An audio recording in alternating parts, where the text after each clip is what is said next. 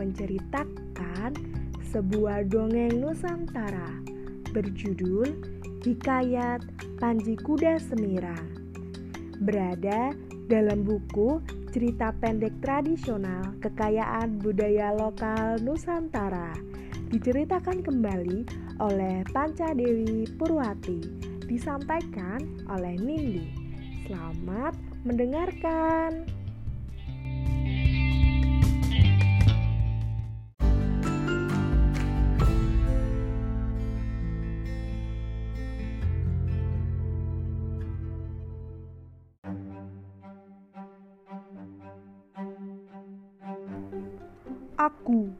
Harus segera menemui kekasih hatiku, Dinda Galuh Chandra Kirana.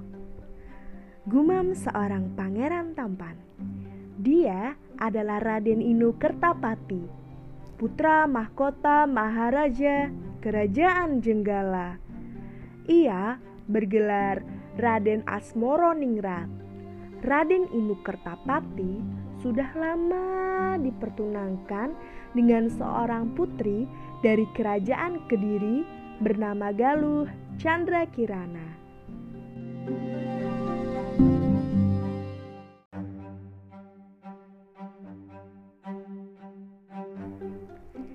Ibunda Chandra Kirana, seorang permaisuri Raja Kediri, sang Maharaja Daha, nan adil dan bijaksana. Sang raja mempunyai seorang selir bernama Padukaliku. Dari selir tersebut, Chandra beroleh seorang saudara tiri bernama Galuh Ajeng. Ibunda, aku tak rela kalau Raden Inu menikah dengan Chandra Kirana. Raju Galuh Ajeng kepada Padukaliku. Aku pun demikian putriku. Ternyata sekali tiga uang dengan anak gadisnya. Padukaliku juga menunjukkan sikap dengkinya kepada anak tirinya itu. Akulah yang layak menikah dengan Raden Inu. Rajuk Galuh Ajeng. Jangan khawatir cantik. Padukaliku membisikkan rencana busuk ke telinga anaknya. Ternyata niatnya adalah menghilangkan Galuh Chandra Kirana beserta ibunya dari muka bumi ini.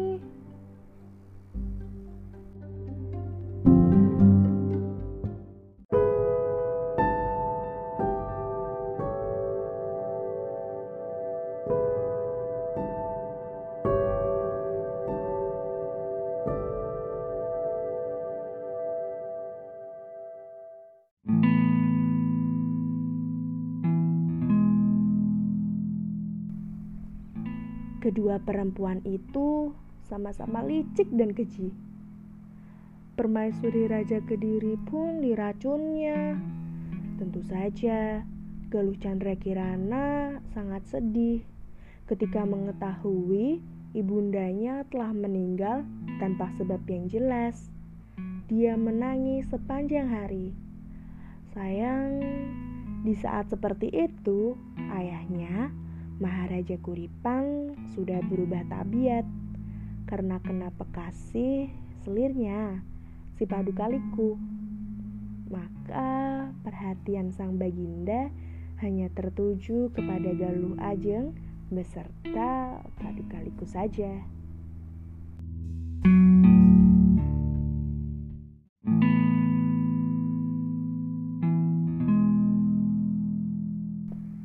Meninggalnya permaisuri kerajaan Daha atau sering disebut kerajaan Kediri didengar oleh Maharaja Kuripan.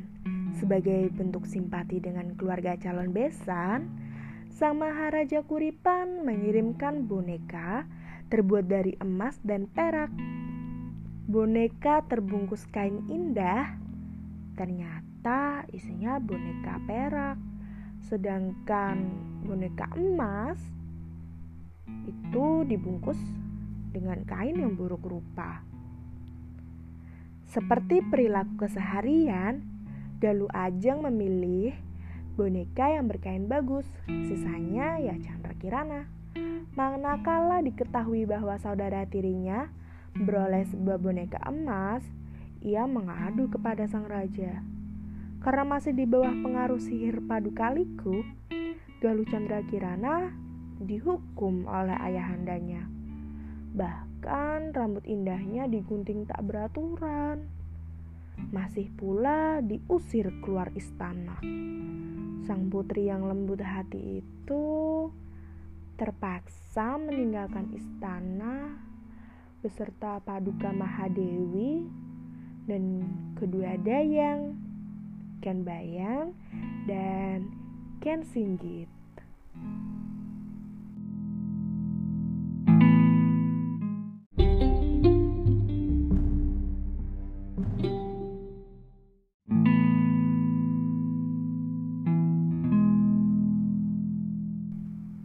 Musibah Dewi Chandra Kirana tak diketahui oleh tunangannya. Raden Inuk Kertapati dengan seizin ayahandanya melakukan perjalanan kerajaan Daha. Rindunya kepada tunangannya sudah tak tertahankan. Sejumlah perbekalan dan empat pengawal yang setia mengiringi perjalanan sang putra mahkota Nan Rupawan keempat punakawan pengawal Raden Inu bernama Jarodi, Punteh, Karto, dan Persanta.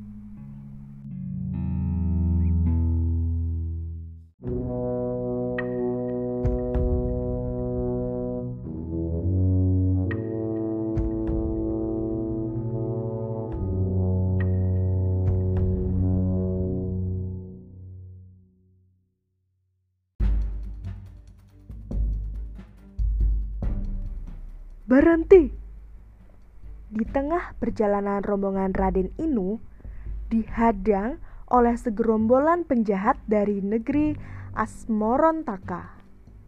Semua hadiah dari Raden Inu yang akan dipersembahkan kepada Chandra Kirana dirampas oleh mereka. Mereka bergerak dengan cepat tanpa sempat ada perlawanan.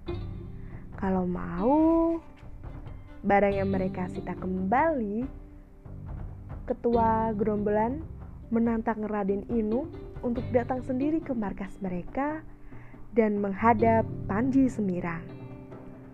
Tentu saja, Raden Inu tidak menerima perlakuan itu. Ia pun mendatangi gerombolan tersebut dengan menaiki kudanya, Rangga Ranggi. Mukanya merah padam.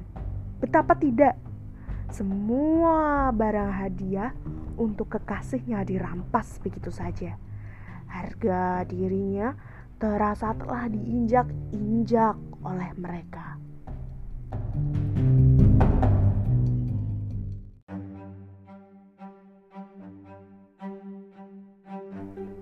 Hei, Paji Semirang, aku datang memenuhi tantanganmu. Lantang suara Raden Inu turun dari kuda memanggil ketua gerombolan perampok. Aku Panji Semirang, apa gerangan yang akan Raden pinta? Seorang pria berwajah halus tiba-tiba berada di tengah tanah lapang tersebut. Entah dari mana ia muncul. Panji Semirang bicara dengan santun. Hal itu sangat mengejutkan Raden Inu Kertapati. Ternyata Panji Semirang bukanlah perampok yang berwajah seram dan bersikap kasar. Sebaliknya, wajahnya dan budinya halus.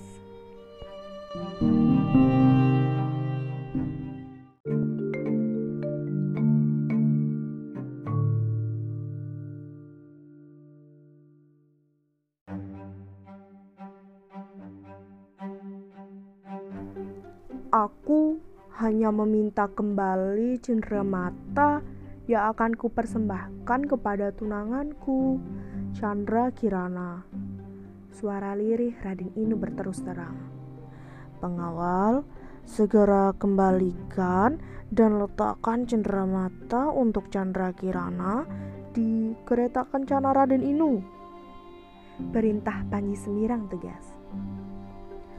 Silakan Raden melanjutkan perjalanan. Semoga Raden menemukan kebahagiaan. Panji Semirang bergegas meninggalkan tempat itu. Raden Inu merasa agak kesal tidak bisa melanjutkan perbincangan itu. Ia merasa sangat dekat dengan Panji Semira. Heran mengapa hatinya begitu nyaman berdekatan dengan lelaki perampok itu. Rasanya aku mengenal Panji Semirang. Siapa ya sebenarnya?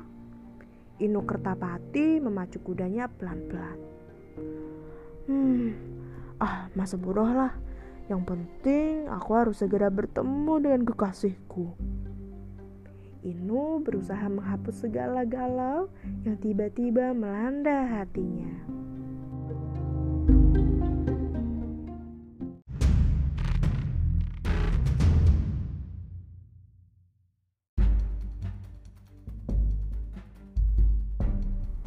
Betapa terkejutnya hati Raden Inu ketika mendengar kabar bahwa kekasihnya telah meninggalkan istana.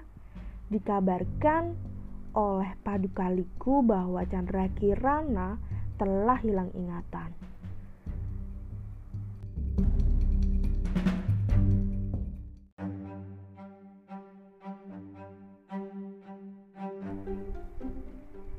Dengan berbagai tipu muslihat, Akhirnya Raden Inu Kertapati akan dinikahkan dengan Galuh Ajeng.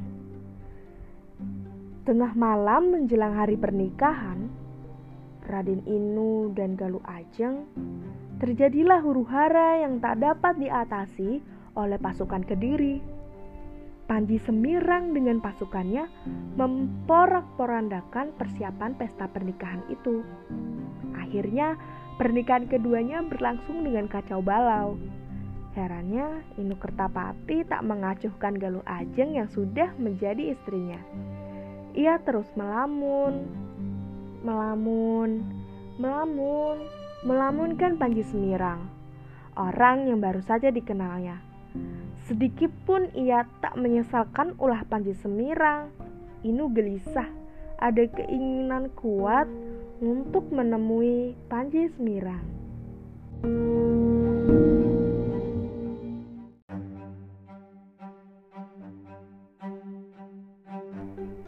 Demikian halnya dengan Panji Semirang.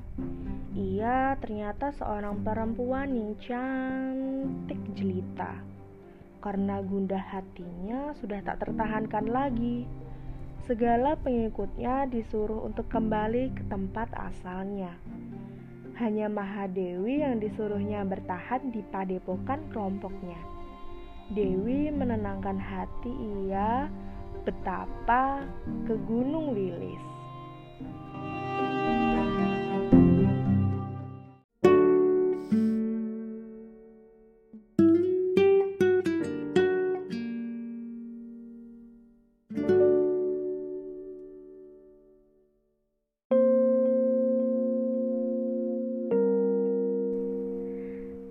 Ternyata segala tipu muslihat padukaliku tak mempan menghapuskan rasa cinta Inu Kertapati terhadap Galuh Chandra Kirana. Ia perturutkan dorongan hatinya untuk kembali ke tempat pertemuannya dengan Panji Semirang. Padepokan tersebut sekarang sepi sekali. Tak terlihat ada kegiatan. Raden Inu termangu di tempat itu. Ya Tuhan, Sang Penguasa Alam, Lindungilah Putri Galuh Chandra Kirana. Hatinya sangat nestapa. Tak lagi ia ingin menjadi Panji Semirang. Betapa rasa cintanya telah menyiksanya. Tuhan, pertemukanlah ia dengan Raden Inu Kertapati, kekasih hatinya. Suara Mahadewi merintih melantunkan doa.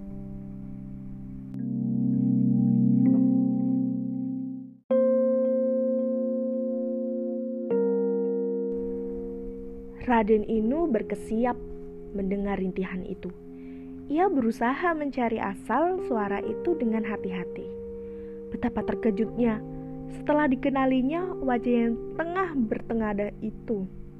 Mahadewi adalah orang yang tidak pernah lepas dari kehidupan kekasihnya, Chandra Kirana. ia pun semakin memasang telinganya. Tuhan, tenangkanlah gejolak hati Putri Chandra Kirana. Segerakanlah Putri berkenan turun dari Gunung Wilis tempat bertapanya. Suara tangis Mahadewi mengiris hati Inu Kertapati. Tanpa meninggalkan suara, Raden Inu segera menyusul kekasih hatinya di Gunung Wilis, tempat pengawalnya dibawa serta.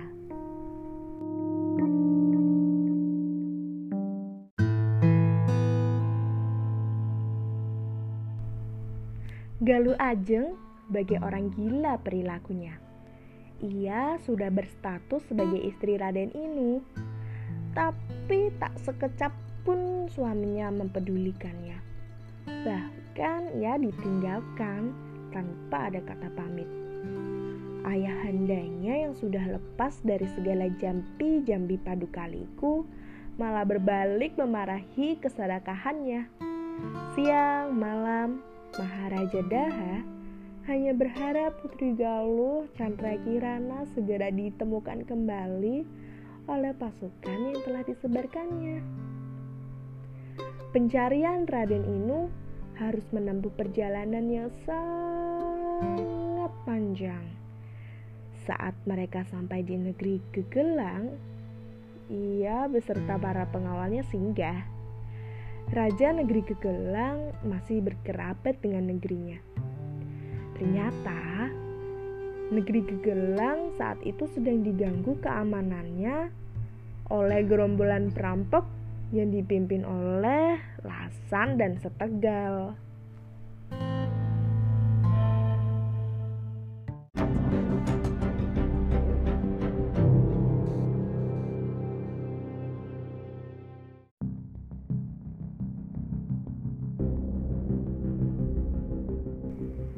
Kalian boleh memilih menyerang atau kau binasa. Raden Inu Kertapati menghadang Lasan dan Setegal. Pertempuran sengit pun tak terelakkan lagi. Dengan bantuan Inu Kertapati dan para pengawalnya, gerombolan rampok itu berhasil diberantas.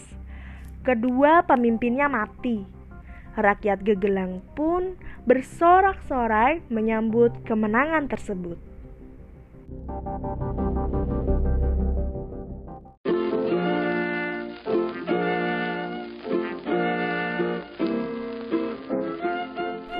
Pesta kemenangan digelar oleh Raja Gegelang. Tujuh hari, tujuh malam, rakyat diajak bersenang-senang. Pada malam ketujuh, sang raja mendatangkan seorang lelaki ahli pantun. Pemuda yang lembut dan halus budi bahasanya melantunkan pantun tentang kisah Chandra Kirana dengan Raden Inu Kertapati. Hal itu tentu membuat Inu tertegun-tegun. Terus diawasinya segala gerak-gerik pelantun pantun yang bersuara merdu itu.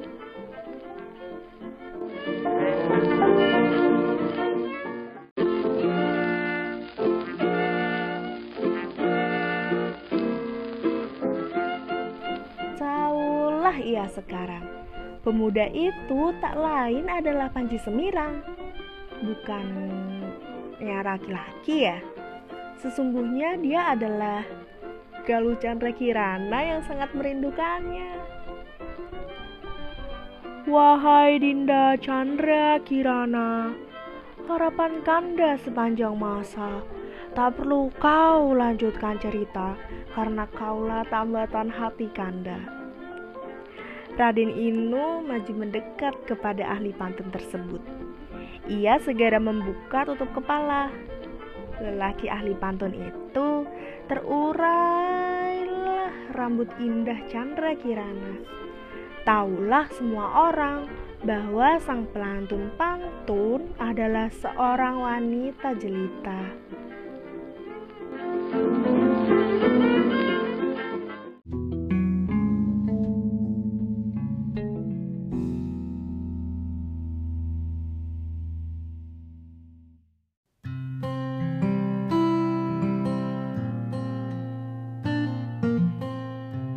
Keduanya pun berpeluk, bertangis-tangisan, melepas rindu dendam. Raden Inu tak perlu melanjutkan pencariannya. Tuhan telah menyatukan kembali sepasang kekasih itu. Sang putri pun segera menceritakan segala dukanya mereka pun segera menyatukan diri sebagai sepasang suami istri yang sangat bahagia. Tamat.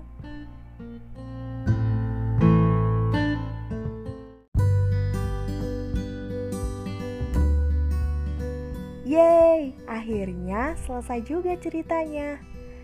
Untuk episode berikutnya, kamu ingin cerita apa? Kamu bisa komen atau kirimkan pesan ke Instagram pribadiku at bukan owner kopi. Silahkan kamu bisa request sebanyak-banyaknya. Aku tunggu ya. Terima kasih. Dadah.